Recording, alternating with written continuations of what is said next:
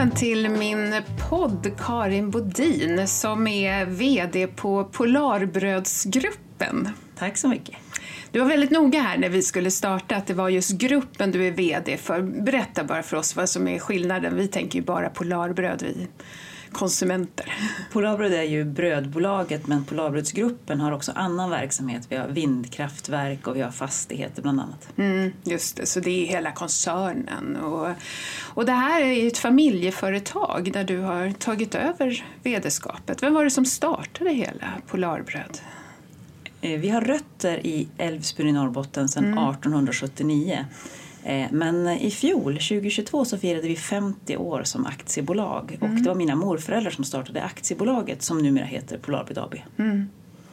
Ja, det är en lång och stolt historia och jag, jag vet du har varit, du har både sommarpratat, du har gjort jättemånga intervjuer om den här fruktansvärda händelsen som hände just uppe i Älvsbyn när hela fabriken brann ner samtidigt som ni skulle starta en hel lina. Jag tänkte inte att vi skulle bara prata om det, men det är ändå en så stor händelse och blev väldigt definierande för, för er.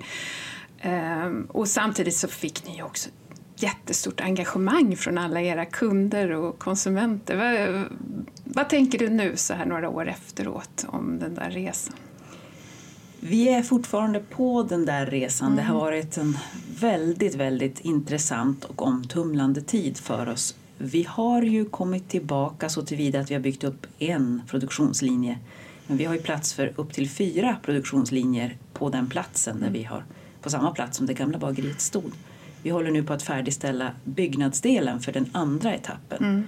Och det här är ju en, en, eh, hela tiden en slags avvägning mellan eh, försäljning och marknadssidan och produktionssidan. Hur mycket kan vi producera, hur mycket kan vi sälja? Mm. Vilka marknader kan vi återuppväcka? För vi var tyvärr tvungna att stänga flera exportmarknader när vi hade mm. den här stora branden. Men det är en resa på väg tillbaka och sen är det ju mycket omvärldsfaktorer. Nu är det ju kriget i Ukraina och inflationsekonomin som tydligt påverkar hela. Och energipriser som kommer efter det också. Ja. Så är det. Ja, så att ni är fortsatt på den här eh, ja, svåra resan efter det här och med tyvärr nya kriser då som, som kommer in.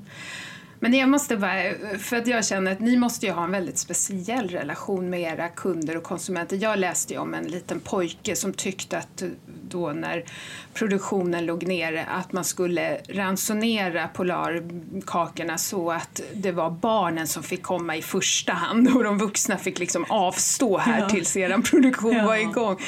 Varför älskar de er så mycket och varför barnen framför allt?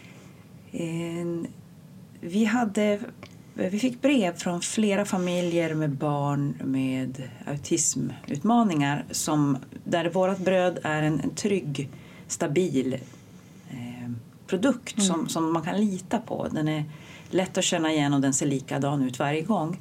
Och det var ju någon pojke som bara åt ett visst bröd och det, mm. tyvärr gick det inte att tillverka så vi fick försöka stötta honom så gott det gick. Och så, så fort vi hade kunnat börja producera det brödet igen så skickade vi en låda till mm. familjen mm. för att nu då se om han eh, kände igen sig. det är, jag, jag tänker att det är eh, ganska enkla produkter mm. och att det tilltalar barn. Och många vuxna också ska man säga. Men, men det säger någonting också om mat och inte minst bröd tänker jag. Att det är så mycket mer än bara näring. Det är någonting som visar också trygghet, omtanke och ett familjeföretag som ni, ni utstrålar också det väldigt mycket. Och att bara ha den där relationen med sina kunder tycker jag låter fantastiskt. Ja, mat väcker ju väldigt mycket känslor mm. och massor, vi har massor dieter i samhället du och massa vägval kring vad vi äter mm. och hur vi ska äta. Så det, det, det, det, är många som engagerar sig i mat också mm. för att det är naturligtvis en naturlig del av alla människors liv. Mm. Ja, och nu har det ju också blivit, vi i Sverige har ju haft en livsmedelsstrategi nu några år men det har ju blivit, apropå krig och annat så har det blivit ännu mer att vi behöver bli mer självförsörjande på vår egen matproduktion. Har du några tankar kring vad vi behöver? För det blir ju ofta en diskussion nu om att nej men maten produceras bara i södra Sverige och inte i norra Sverige. Men ni är ju ett exempel på det, på det omvända och jag tänker att vi behöver ju kunna öka matproduktionen här i norr? Vad, vad är det som krävs för att vi ska kunna bli mer självförsörjande?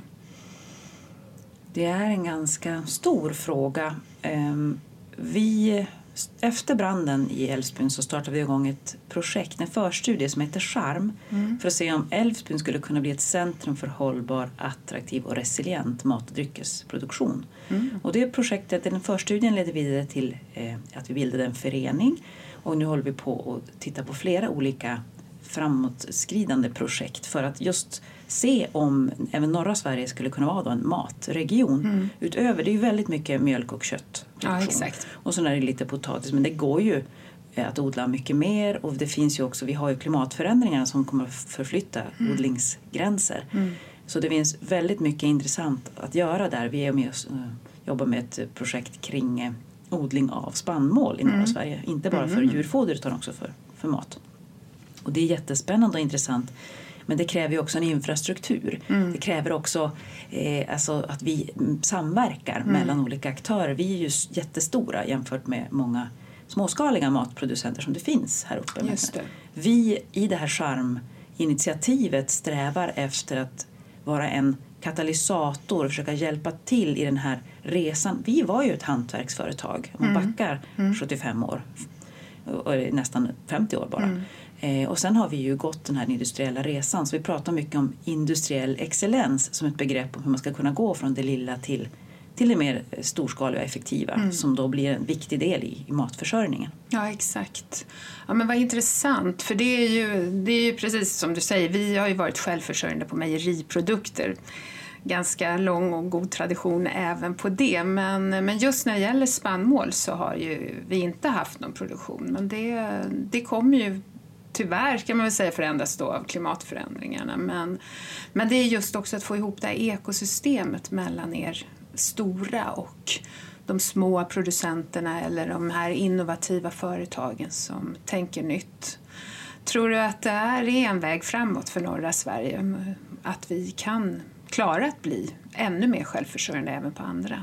Absolut. Vi har ju sådana fantastiska förutsättningar på så många områden. Mm. Vi har ju de här stor, stora ytorna och eh, rena miljön. Mm. Och jätte, jättegoda förutsättningar skulle jag vilja säga. Det är mycket tänk, tankesätt. Mm. Att vi måste försöka tänka i nya banor. Och därför ska vi göra ett projekt som heter 2000 kvadratmeter inom ramen för Charm. Mm. Där vi ska testa att odla allt som en människa behöver äta under ett år på bara 2000 kvadratmeter.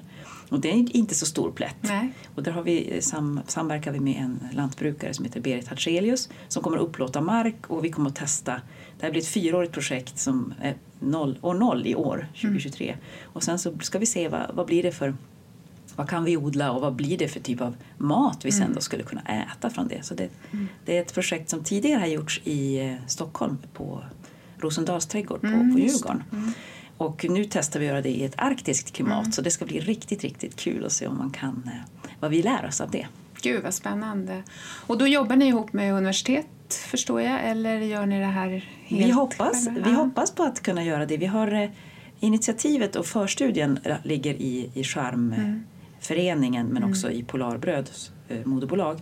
Men vi hoppas absolut få igång dialog. Vi har pratat med Umeå universitet om det här och de är mm. väldigt intresserade.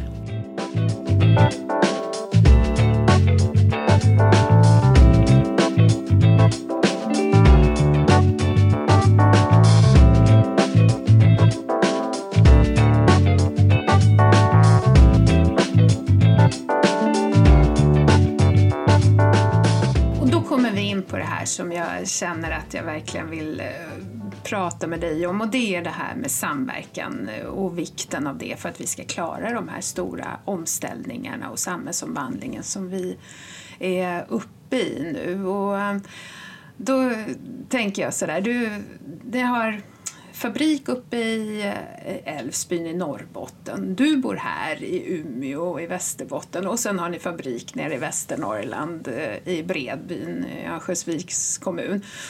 Hur tycker du att det fungerar när du ska vara i kontakt med, eller dina medarbetare ska vara i kontakt med län och regioner och många olika kommuner? Fungerar det bra eller borde vi hitta något bättre sätt att göra det här? Jag tycker att det fungerar bra men då och då stöter vi på patrull mm. när det är de här indelningarna i regioner. Till exempel att ha en livsmedelsstrategi för Västerbotten och en annan för Norrbotten. det är ju väldigt konstigt tycker jag. Ja. Det, och vi vet ju också att vi är väldigt få här uppe. Det handlar ju om att vi, att vi måste samverka och samarbeta.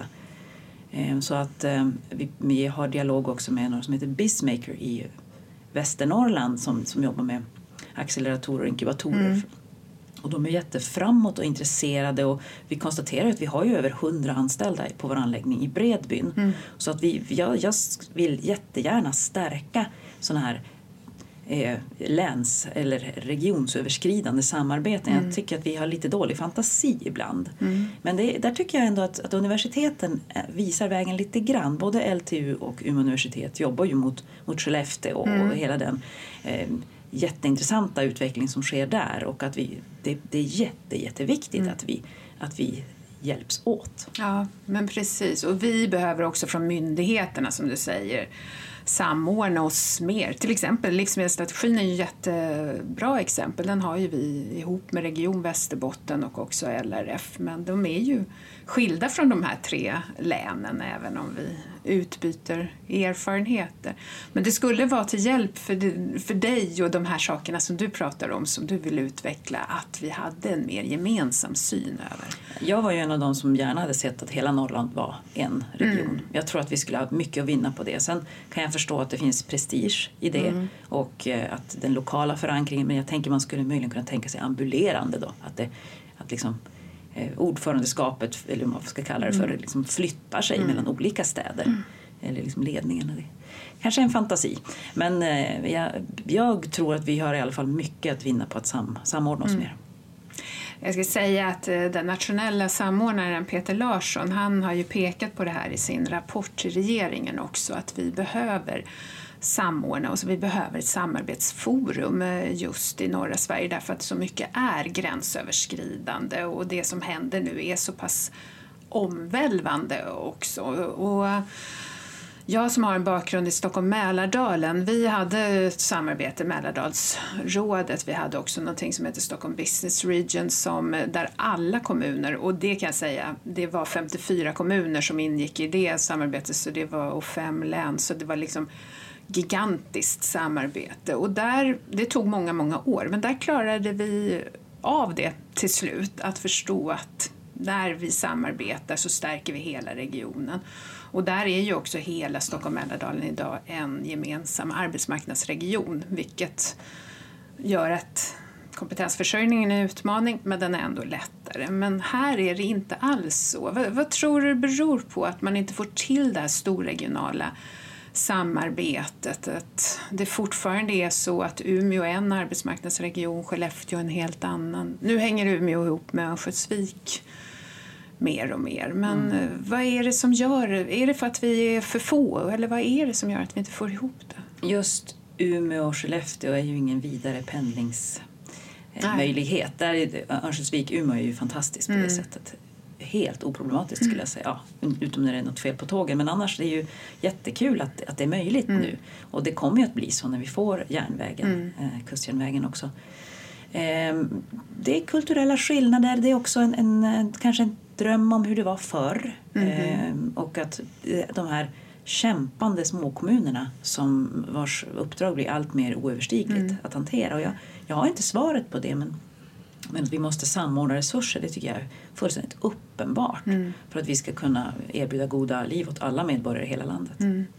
Ja, det är ju som du säger, det är väldigt stor skillnad också på kustkommunerna och inland och framförallt fjällkommunerna. De har ju, det är ju, vi har ju de fyra minsta kommunerna till befolkningssätt i Västerbotten i hela landet samtidigt som vi har då eh, ja, väldigt stark urbanisering. Man räknar ju med att Norrlandskusten är Eh, Sveriges fjärde mest tätbefolkade region efter storstadsregionerna eh, just därför att alla bor där eller har flyttat dit. Så det är ju en stor utmaning. Men jag har också hört det här uttrycket att man har lite derbyförhållande till varandra i kommunerna. Och viss konkurrens kan ju vara bra men, men i dagens kunskapsekonomi så, behöv, så är det ju snarare de som har flest nätverk som vinner än de som har flest konkurrenter. Ja visst, det, det, där lider vi av lite grann uppe i Norrbotten också. I Älvsbyn och Boden, det är bara fyra mil mellan. Mm. Men det är ju en avgrund, det är olika älvdalar. Mm. Så det, det, är förvånansvärt lite samverkan mellan. Mm. Och det, det, är klart, jag lämnade ju Norrbotten för ganska många år sedan men men att, att, verkligen öppna ögonen för och den spännande utvecklingen som Boden står inför och, och är, liksom, som händer där nu. Mm. Att säkerställa att vi tar del av det, att vi verkligen jobbar tillsammans med de eh, närliggande kommunerna till Boden. Ja. Och det här är ju som sagt en förhoppning att den här stora industriomvandlingen och samhällsomvandlingen att det ska föra oss närmare varandra och att vi ska hitta det här. Men än så länge så saknas den här samverkansplattformen. Men du kan vara med och vara lite drivande i det här så att vi får ihop det. Det låter väl bra. det tycker jag vore underbart. Jag tänkte lite också det här med kvinnors eh, företagande, entreprenörskap. Och min bild är ju att eh, det är ganska dåligt synliggjort i norra Sverige. Det blir väldigt ofta nu senast eh, när det var Agenda eh, så var det fyra VD-män som stod där och berättade om nyindustrialiseringen och omvandlingen i norra Sverige. Det är ofta det som lyfts fram. Samtidigt så finns du och andra kvinnor både på ledande vd-platser men också som ägare. Håller du med om att den här bilden av norra Sverige blir väldigt mycket mansdominerad av traditionell industri? Jo, det tycker jag nog, men det finns ju initiativ där eh, till exempel Northvolt har ju jobbat mycket med, med rekryteringsfrågor och även mm. H2 Green Steel eh, uppfattar jag som man, man beaktar den här aspekten att det, det, det nya måste också vara mer modernt. Mm. Men, men eh, den stora utmaningen tänker jag att det är fortfarande alldeles för få kvinnor på ledande positioner. Och de som, vi som har de positionerna, jag tycker att jag får väldigt mycket uppmärksamhet. Mm. Kanske för mycket ibland. att, att ibland så tänker jag att okej, okay, i det här läget kanske någon annan person, en man, hade varit mer relevant eller lämpad. Mm. Men eftersom jag då är kvinna så, så, så Och ganska ensam då på ja. ett stort företag ja, som ja. Polarbra. Visst, så att, och det där är ju, det handlar ju också om vad vi väljer att, att att synliggöra och belöna i samhället. Mm. Är det de största företagen som är de viktigaste? Ja, det är de små och medelstora som mm. bidrar med mest arbetstillfällen. Mm. Och hur, hur säkerställer vi också skapa en kultur där kvinnor inte är rädda för att låta sina verksamheter växa? Mm. Det är ju en jättesvår fråga för det handlar ju om din förväntan på ditt eget liv. Hur mycket mm. kan du jobba, hur mycket support kan du ha hemma vid mm. när det gäller familj och annat? Eh, kontra om, om det, en man kanske mer förväntar av sig själv och omvärlden förväntar sig att den ska göra karriär mm. på ett annat sätt. Mm. Så det, där är, det är stora samhällsfrågor som vi, vi behöver lysa på.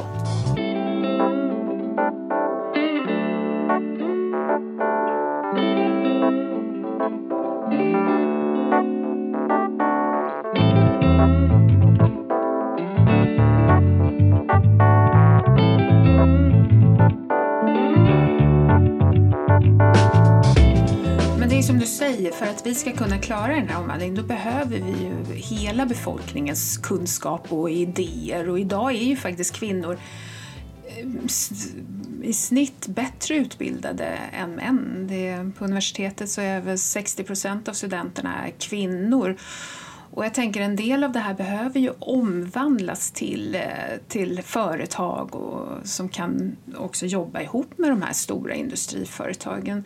Gör vi tillräckligt i norr för att liksom, eh, se till att kvinnors idéer också kommer fram, att det blir ett företag av det och att det, som du säger, kan växa om man har en framgångsrik historia.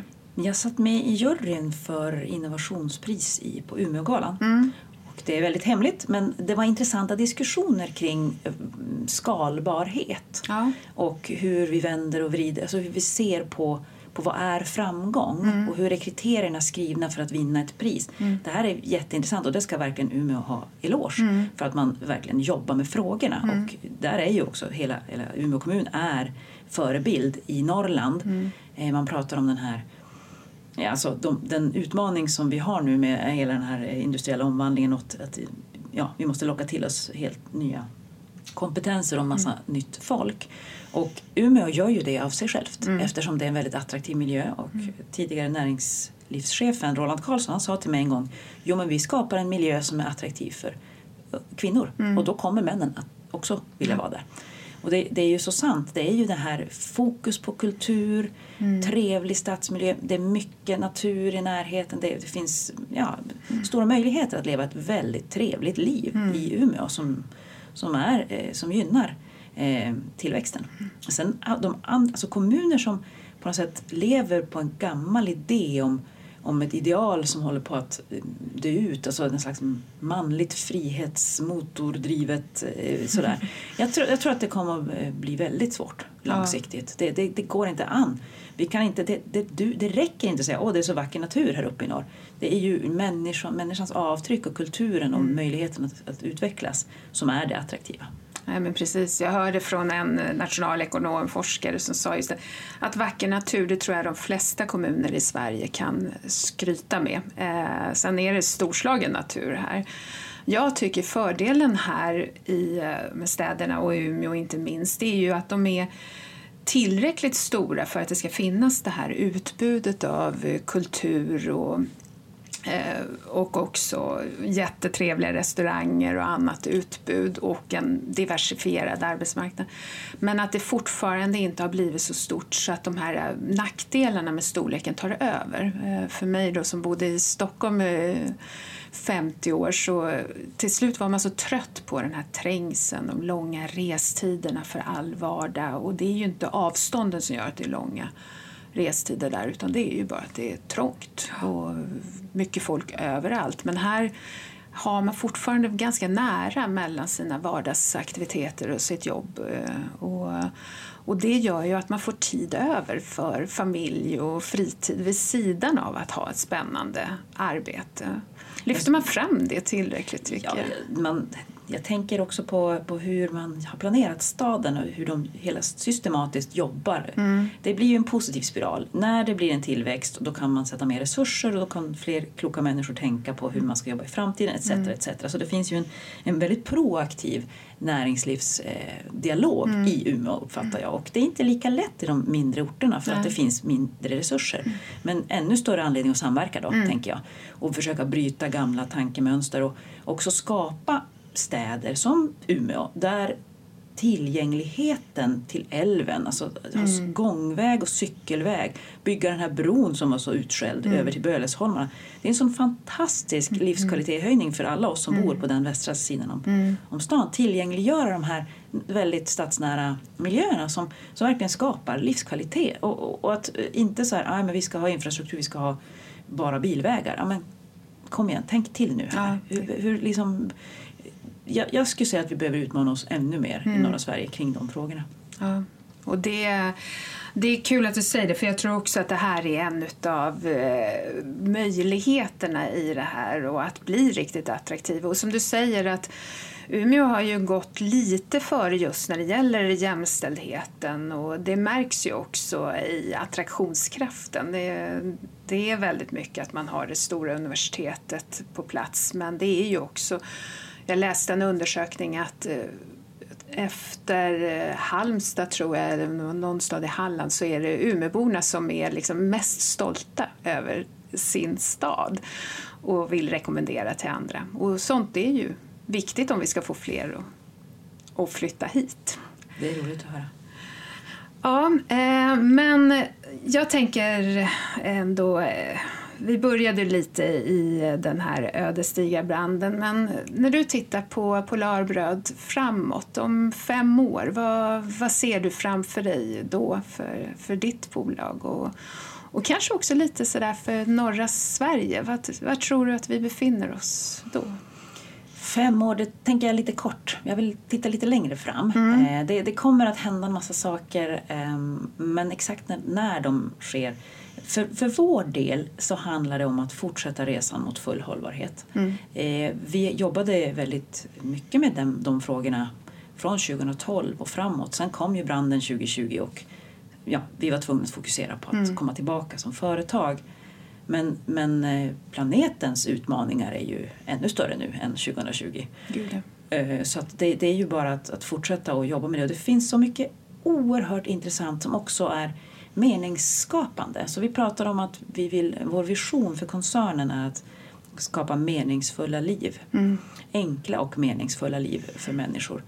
Eh, och, och, det här enkla det ju, betyder ju okonstlat mm. och o, inte avancerat. Det betyder inte enkelt som är att, eh, väldigt basic, så mm. att man bara inte har någon el eller så. Utan, och så där meningsfulla, att, att känna att, att man kan göra skillnad och behövas. Mm. Det känns enormt viktigt att vi skapar de här positiva framtidsbilderna så att människor inte tappar hoppet. Mm. Och det finns nu såna, man kan jobba med sådana liksom forecast-övningar eh, där man eh, tittar på de stora utmaningarna och så, så fantiserar man fram en, en, en, tid, alltså en miljö, en plats där man vill vara. Mm. Det kallas för, jag har hört ett ord som är solar punk. Okay. tycker jag var väldigt ja. skojigt. Okay. hur, ser, hur ser världen ut när den är soldriven? Mm. Och vi har mm. byggt städer som är otroligt attraktiva mm. och gröna och, och, gör det möjligt för människor att gå och cykla och mm. röra sig och, och trygga miljöer. Alla, alla mervärden som vi vill ha. Låt mm. oss skotta ihop dem i en hög och så jobbar vi för att se vad kan jag göra för att nå dit istället för att hela tiden fastna på alla hinder och faror och risker och som vi måste mm. liksom försöka lösa. Istället liksom, sätt upp ett mål dit du vill. Mm. Så det vill vi jobba med nu. Vara med och samskapa sådana här solar punk framtider och, och sen då springa på de bollarna. Underbart och få med er fler att springa på, på samma målbild, eller? Definitivt. För oss så handlar det om ett hållbart matsystem, det är vår mm. arena. Mm. Men det innefattar mycket annat, alltså mm. hållbara förpackningar, hållbar mobilitet och mm. eh, mer kring energi. Så det finns ju jättemycket att, att jobba med och naturligtvis tillsammans. Och attraktionskraft för att eh, du behöver också folk som jobbar hos dig. Absolut, och det jag var på ett möte igår tillsammans med RISE och vi pratade om just det här med att, att skapa de här positiva eh, miljöerna och framåtriktade projekten kommer ju också att dra till sig mm. intressanta människor. Så det blir ju win-win. Underbart. Ja, stort tack Karin för detta och det vi tar med oss det är Solar Punk. tack. Tack.